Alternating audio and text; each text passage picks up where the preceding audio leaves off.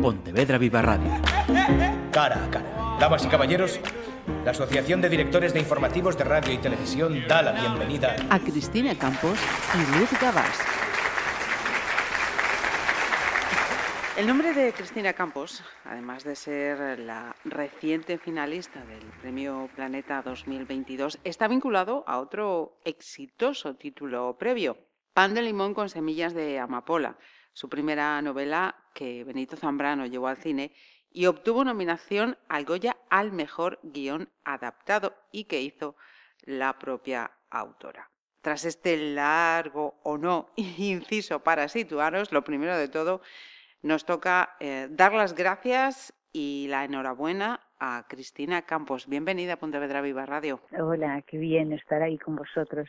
Dar las gracias a vosotros porque yo, ya esto del éxito es muy efímero y disfruto de cada entrevista como si fuera la, última, o sea que muy agradecida. Ojalá tengamos eh, ocasión para hablar porque será eh, una buena causa, seguro que para ti y para, y para nosotros. Mira, Cristina, antes de nada tengo una curiosidad inicial. Lo de Gabriela Hausmann como seudónimo para presentarte al planeta ha sido un homenaje a, dos de los protagonistas eh, y, a tu etapa de, Alemania.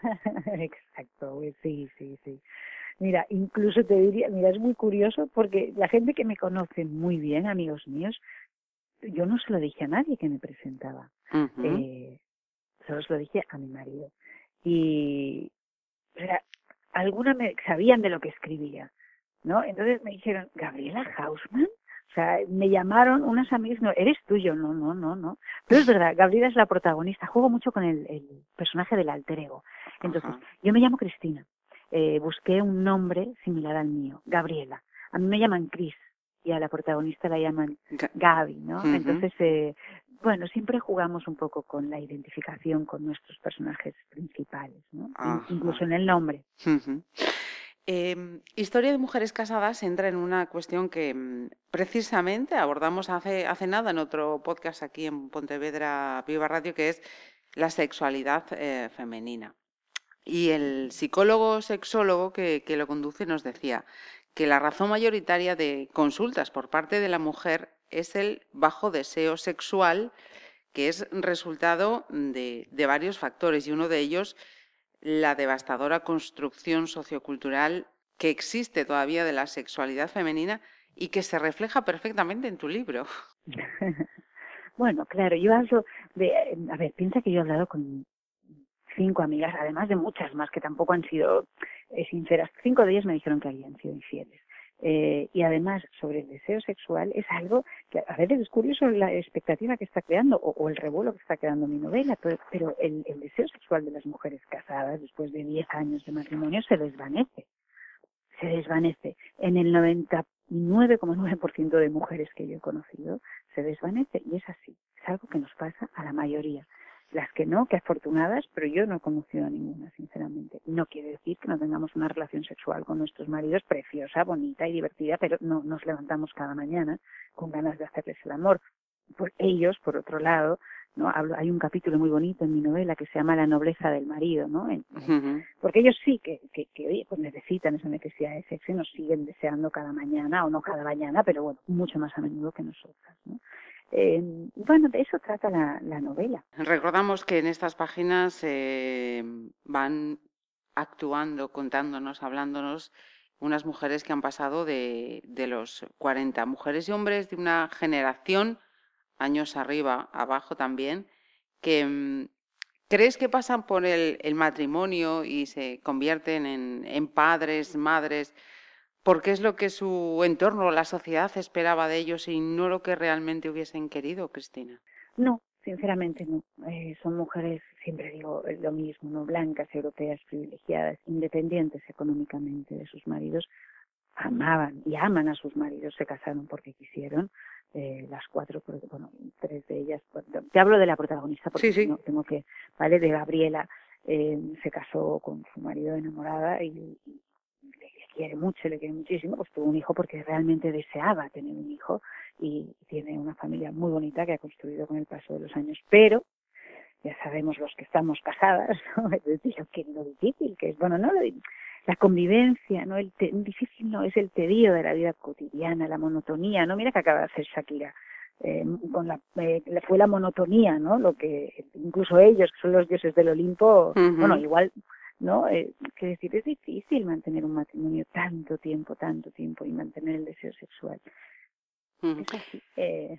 Quienes, perdona, quienes, quienes lean también eh, esta novela se van a encontrar eh, con, subtemas, si me permites que lo diga así, que entran incluso en, las identidades sexuales que, volviendo a, esa generación que, retratas, todavía eh, es un ejercicio arduo.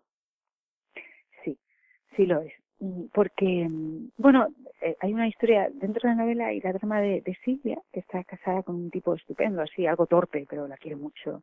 Eh, y ella nunca siente placer cuando hace el amor con él, ¿no? Eh, pues es, una, existe, es una persona que conozco, ¿no? Eh, y, y entonces, bueno, a esta amiga que me confesó, yo le pregunté, pero bueno, nunca sientes placer tú sola, ¿no? Cuando acaricias tu cuerpo en soledad, me dijo sí. Yo le pregunté en qué piensas, porque en qué pensamos las mujeres cuando nos masturbamos es un tema bastante curioso, ¿no? eh, y ella me dijo, eh, miro porno femenino. Y eso me abrió ya, eh, la imaginación ya se me explotó y entonces de eso salió toda la trama de Silvia, ¿no? eh, Sí, sí, sí, sí. Y, y también otro, otro palo más, la sexualidad de, los seniors, que también eh, se mantiene pese a que es mi percepción la sociedad, eh, sigue mirándola de, de, perfil, por no decir mm, mm, negándola. La, ya, ya, ya está, eh, bueno, este claro, he hablado con amigas de mi madre, mi madre, ¿no? Eh, bueno, me cuentan cosas hermosas, ¿no? Es como el mundo. Bienvenida a la menopausia, por favor. Un canto a la menopausia. Estoy harta de que ya se nos diga a las pobres menopáusicas. Yo no he llegado todavía, estoy pronto, estoy deseando tenerla. Mis amigas con la menopausia lo están pasando pipa. Bueno, se han separado, ¿sabes? Entonces, esta cosa de esta, ya llevamos 30 años sangrando por la vagina. Eh, oye, qué bien que se nos acabe este suplicio de sangrar una, ¿no? una semana al mes y empezar con, con, con bueno, oye, más o sea, hay una, este estigma me molesta profundamente. Bien, me, alegro y coincidimos. Y, y pasando a más, em, más vértices, más perfiles que, tiene historias de, mujeres casadas, la amistad. Quiero preguntarle a, Cristina cuál es em, tu visión de, la, amistad de las mujeres con las mujeres, de los hombres con los hombres y ese vínculo de amistad entre mujeres y hombres. Pues mira, eh, eh, la novela compara este, la relación, eh, o sea, la relación de amigas, ¿no? De, hay, la protagonista dice en un momento dado que está en un momento muy baja de, de fuerzas, de un momento triste de su, de su vida, dice qué suerte teneros, ¿no? Qué suerte tener amigas y qué pena me dan las mujeres sin amigas, ¿no? Porque realmente son como hermanas y, y nos desnudamos psíquicamente con nuestras amigas por otro lado, la, no sé, los amigos que tengo, pues fíjate que conmigo sí que se abren en canal y sin embargo con sus amigos son mucho más contenidos. Más reservados, ¿verdad? Sí, eh, y pasan como, bueno, pues sí, me ha dejado mi mujer. Estoy triste, pum, se acaba la historia. Bueno, vamos más allá, ¿no? Hay un mundo, baja, bajemos a, ¿no? a lo más profundo de, pero no. Pues, eh, no eh. Tiene ahí como esa coracita. Bueno, o sea, sí, sí. Mira, eh, tres palabras. Eh, realidades, reivindicaciones y críticas. ¿En qué orden ponemos cada una de ellas de acuerdo a su presencia en historias de mujeres casadas? Ostras, ostras. A ver, estas preguntas tan complejas que me hacéis me las tenéis que enviar Ay, no, por Dios. No, no quiero, no quiero, no quiero, no quiero sea eso. ¿Cómo era? realidades, reivindicaciones y críticas. Eh, yo pondría realidades, eh, porque es una historia real, veraz, intentado. Para mí escribir es explicar la verdad. Eh, críticas. Uh, sí, sí, mira, soy muy crítica con nuestras bajas de maternidad, por ejemplo, en la novela, eh, ¿no? De las bajas de maternidad de las españolas, que son cuatro meses en comparación con las europeas del norte de Europa, que son año, un año entero, y los papás cuatro meses. Ahí yo me pongo a reivindicar, no, a reivindicar, no, a criticar a España, ¿no? A, estas medidas que piensan poco en eso. Y reivindicar, eh, no, reivindico estas bajas de maternidad. Es lo único que igualarlas al resto de Europa, pero nada más. Mira, y para terminar, ya que te dedicas al ámbito audiovisual, eh, sigues como directora de casting, si no tengo mal los datos. Sigo, pero muy poco. Mi compañero de vida es eh, director de cine, entonces hago con él los castings y si me lo pide un director que tenga mucha aprecio, sí, pero es difícil mm, compaginarlo todo, escribir, dirección de casting y tres hijos. no, me da, no me da.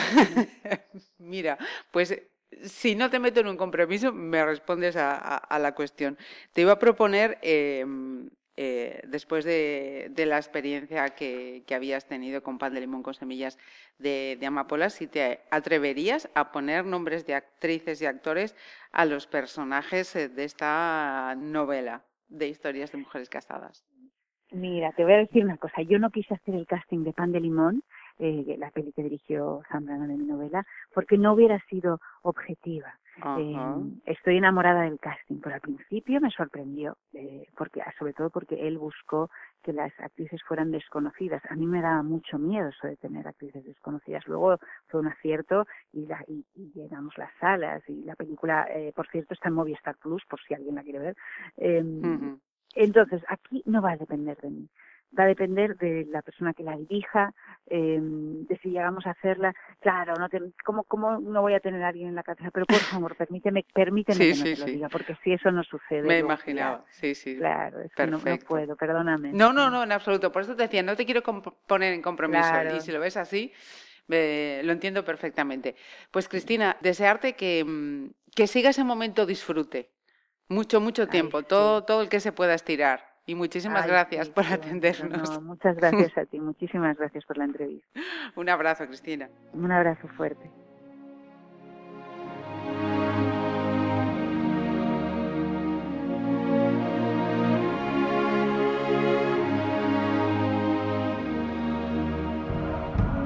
Vamos a continuar ahora con la ganadora del Planeta 22. 22, vaya como estoy.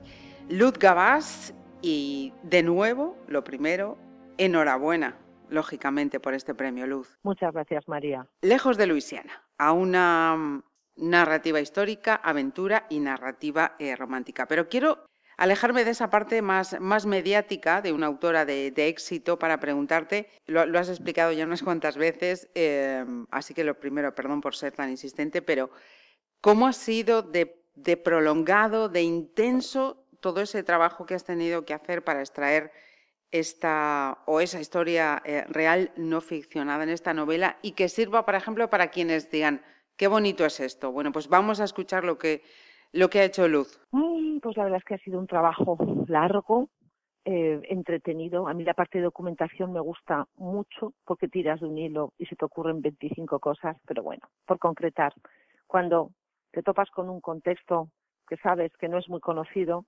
eh, y para, para mí no lo era mucho, pues lo que hago siempre es leer de lo general a lo específico. Esto quiere decir leer todo lo que se ha publicado, o prácticamente todo, porque todo sería imposible, sobre el tema. Y leer hasta que la información se repite eh, o alude ya directamente a las fuentes originales. He de decir que mm, el 90% de la información estaba en, en inglés o en francés con traducciones al inglés. Por lo tanto, si no hubiera sabido inglés, no estaríamos hoy hablando de lejos de Luisiana porque no hubiese podido tener acceso a toda la información sobre esos 40 años de 1763 a 1803 cuando España poseyó la inmensa Luisiana. Es curioso eso que me acabas de decir porque precisamente con ese último dato, España, y que la documentación esté en inglés o francés, a mí por lo menos me, resulta llamativo, ¿no? existen libros sobre el papel de España libros en castellano y desde luego hay investigación hecha por investigadores e historiadores españoles sobre el papel de España en la independencia de las 13 colonias del este de Estados Unidos que formarían los Estados Unidos y sobre las figuras importantes como eh, Bernardo de Galvez, incluso Luis de Unzuaga. Pero, mm, como digo, son libros escritos por historiadores, son figuras estudiadas por ellos, pero igual, en general, no es una figura muy conocida fuera de, de Málaga o del entorno de los, eh, como digo, de, de, de las propias. ¿Y traducido a, a, tiempo? Empecé a documentarme en 2018. Yo eh, estudié un año en Estados Unidos, tengo relación con el país, por lo tanto, había leído cosas titulares, sabía, sabía eh, algo de la presencia española por ahí por Luisiana, pero o, incluso bueno pues como todos también eh, 200 años antes en el siglo XVI cuando llegan los primeros adelantados exploradores y encuentran pues la Florida y encuentran suben por un poquito el Mississippi pero poco más ¿eh? hay como hay un, una oscuridad y entonces lo que hice fue eh, leer leer leer leer leer leer eh, durante dos años. Ah, entonces me senté a escribir en 2020. La, la, documentación nunca termina porque siempre tienes que... Siempre llega algo. Claro, llega algo de repente y dices, ay, leí que habían comido en el encuentro entre tal gobernador y tal persona, ojalá me acordase del menú, bueno, pues vas marcando todo con post-its, te vas guardando información y según vas viendo te vas documentando más. Y así hasta, pues hasta que terminé el primer manuscrito, que eh, cuesta, pero va más ágil y luego ya viene la revisión. La revisión siempre hay que hacerla en profundidad. Mira, pasando al ingrediente eh, romántico, narrativa romántica, hay una relación protagonista, pero lejos de Luisiana, abarca o habla de, de, diferentes tipos de amores. Sí, sí, digamos que la historia principal es la que articula la novela. El escenario está articulado por el río Mississippi, pero lo que es la trama eh, está articulada por eh, la historia entre Iscate, un indio de la tribu Kaskaskia, que está ahí al norte, al, eh, en el país de los Illinois, al este del Mississippi, aunque luego se desplazaron al oeste, y una joven criolla francesa, hija de un comerciante importante de Nueva Orleans. La historia surgió porque leyendo la documentación ha aparecido esta leyenda de Kaskaskia, en la que un indio se enamora de la hija de un comerciante. Eh, es un amor imposible, los, eh, ellos huyen, los pillan, a él lo atan a un madero y lo mandan río abajo, por supuesto muere, antes de morir lanza una maldición. Entonces pensé, si esto, eh, si esta leyenda existe, igual hubo algo de verdad, porque hay muchos censos y se sabe que los franceses que estaban ahí en, en, en Luisiana, estoy hablando desde los primeros exploradores, los 16, 17, 18 se casaban con mujeres indias. ¿eh? De hecho, de hecho muchos muchos llevaban eh, vida, pues, pues eso, eh, casi como indios, ¿no? Pues cazando, vendiendo sus, sus las pieles, etcétera. Em, pensé, de acuerdo, esto sería lo, lo, lo, bueno, pues lo que existía, pero yo quise darle un poquito la vuelta y crear el personaje femenino de Susette y ponerla ante una situación muy difícil, ¿no? Si me enamoro de alguien tan diferente de otro mundo, ¿qué va a pasar? ¿Cómo va a funcionar nuestro? Y siempre siendo verosímil, ¿eh? es decir, que, tenga sentido y que bien pudiera haber sido. y, y, hablando de sentimientos, veo que hay uno que comparten algunos protagonistas contigo, otros protagonistas contigo, que es ese vínculo con el lugar al que uno pertenece, del, del que ha venido y que también está presente en otras eh, novelas tuyas. Es imposible romper esa unión, ¿verdad, Luz? Eh, me preguntabas antes sobre los, los, diferentes tipos de amor. Efectivamente, en la novela este es uno de los amores claros, ¿no? El amor a la tierra. Eh, en el caso de Iscate es que es literal, es tu lugar de origen, pero es que es tierra, es naturaleza.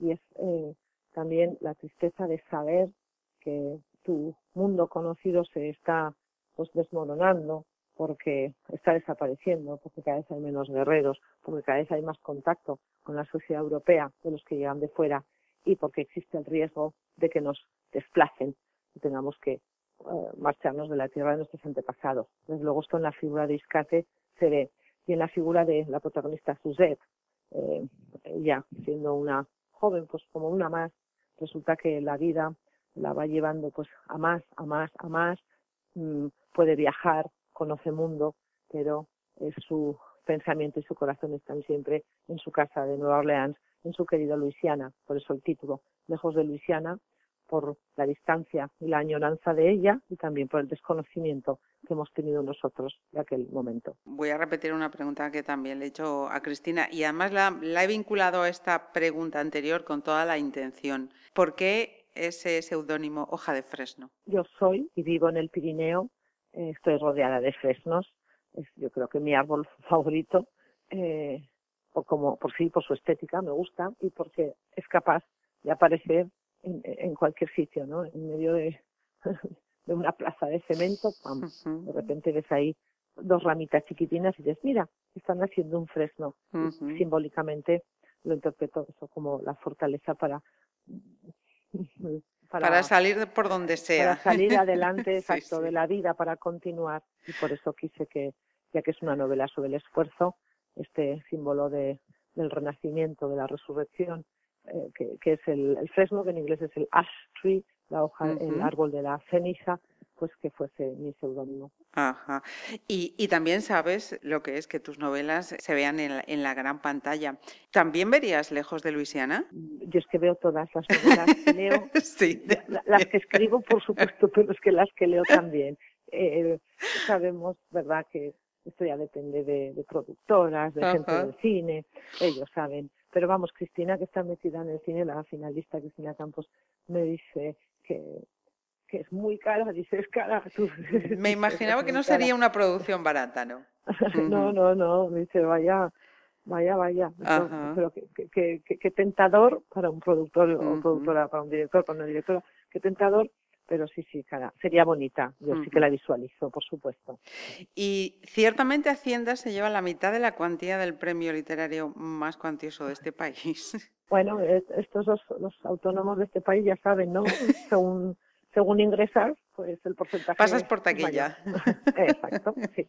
Bueno, pero mira, en esto, sinceramente, el dinero se va, el prestigio queda. Y yo siempre seré la ganadora del Premio Planeta 2022 y esto para mí, la verdad es que me produce una grandísima satisfacción. Le voy a plantear esta pregunta a la Luz Gabas que participa y promueve charlas literarias. ¿Cuál es el principal perfil de las personas eh, lectoras con las que te encuentras? Depende de los lugares. Por ejemplo, cuando hay presentaciones de libros, eh, sobre todo hay mujeres. Pero luego en las jornadas de novela histórica, por ejemplo, o en encuentros literarios de este tipo, ya va variando más el perfil. Ahí sí que está más, más mezclado. E, y en, thrillers y policíaca me imagino que además, pues eso habrá también mucha gente joven. Es que depende del, del perfil. Del perfil de, novela, ¿no? Del mm, corte. sí. Es evidente que el, esfuerzo para sacar adelante esta novela ha sido eh, extenuante. Lo, he leído y te, he escuchado decirlo y además aquí lo, has ratificado.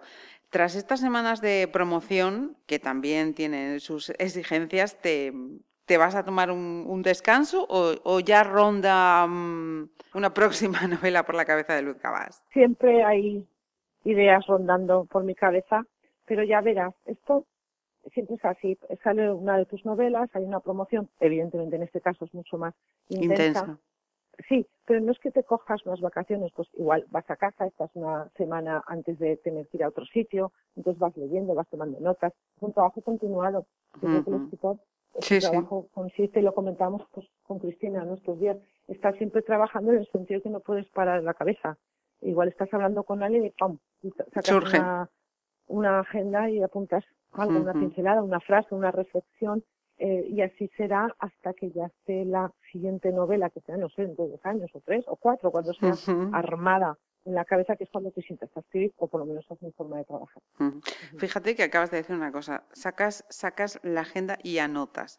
Seguimos utilizando el papel y el bolígrafo o el lápiz para anotar, nada, nada de anotarse en el teléfono. Em, Yo llevo cuaderno, llevo cuadernito siempre.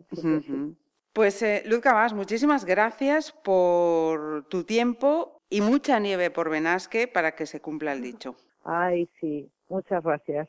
Muchas gracias, María. Sí, sí, ahora eso, eso sería muy bueno para todos los de Benasque, Cerler, Anciles, el Valle de Benasque que viven del turismo. O sea que sí, que nieve mucho. Gracias. A ti, Luz. Pontevedra Viva Radio. ¿Me permiten que les haga un comentario como espectadores del programa Cara a Cara? Según un reciente sondeo de mercado, ustedes disponen de estudios e inteligencias superiores a la media. Sus intereses abarcan desde la actualidad mundial y la ciencia hasta el deporte y los espectáculos.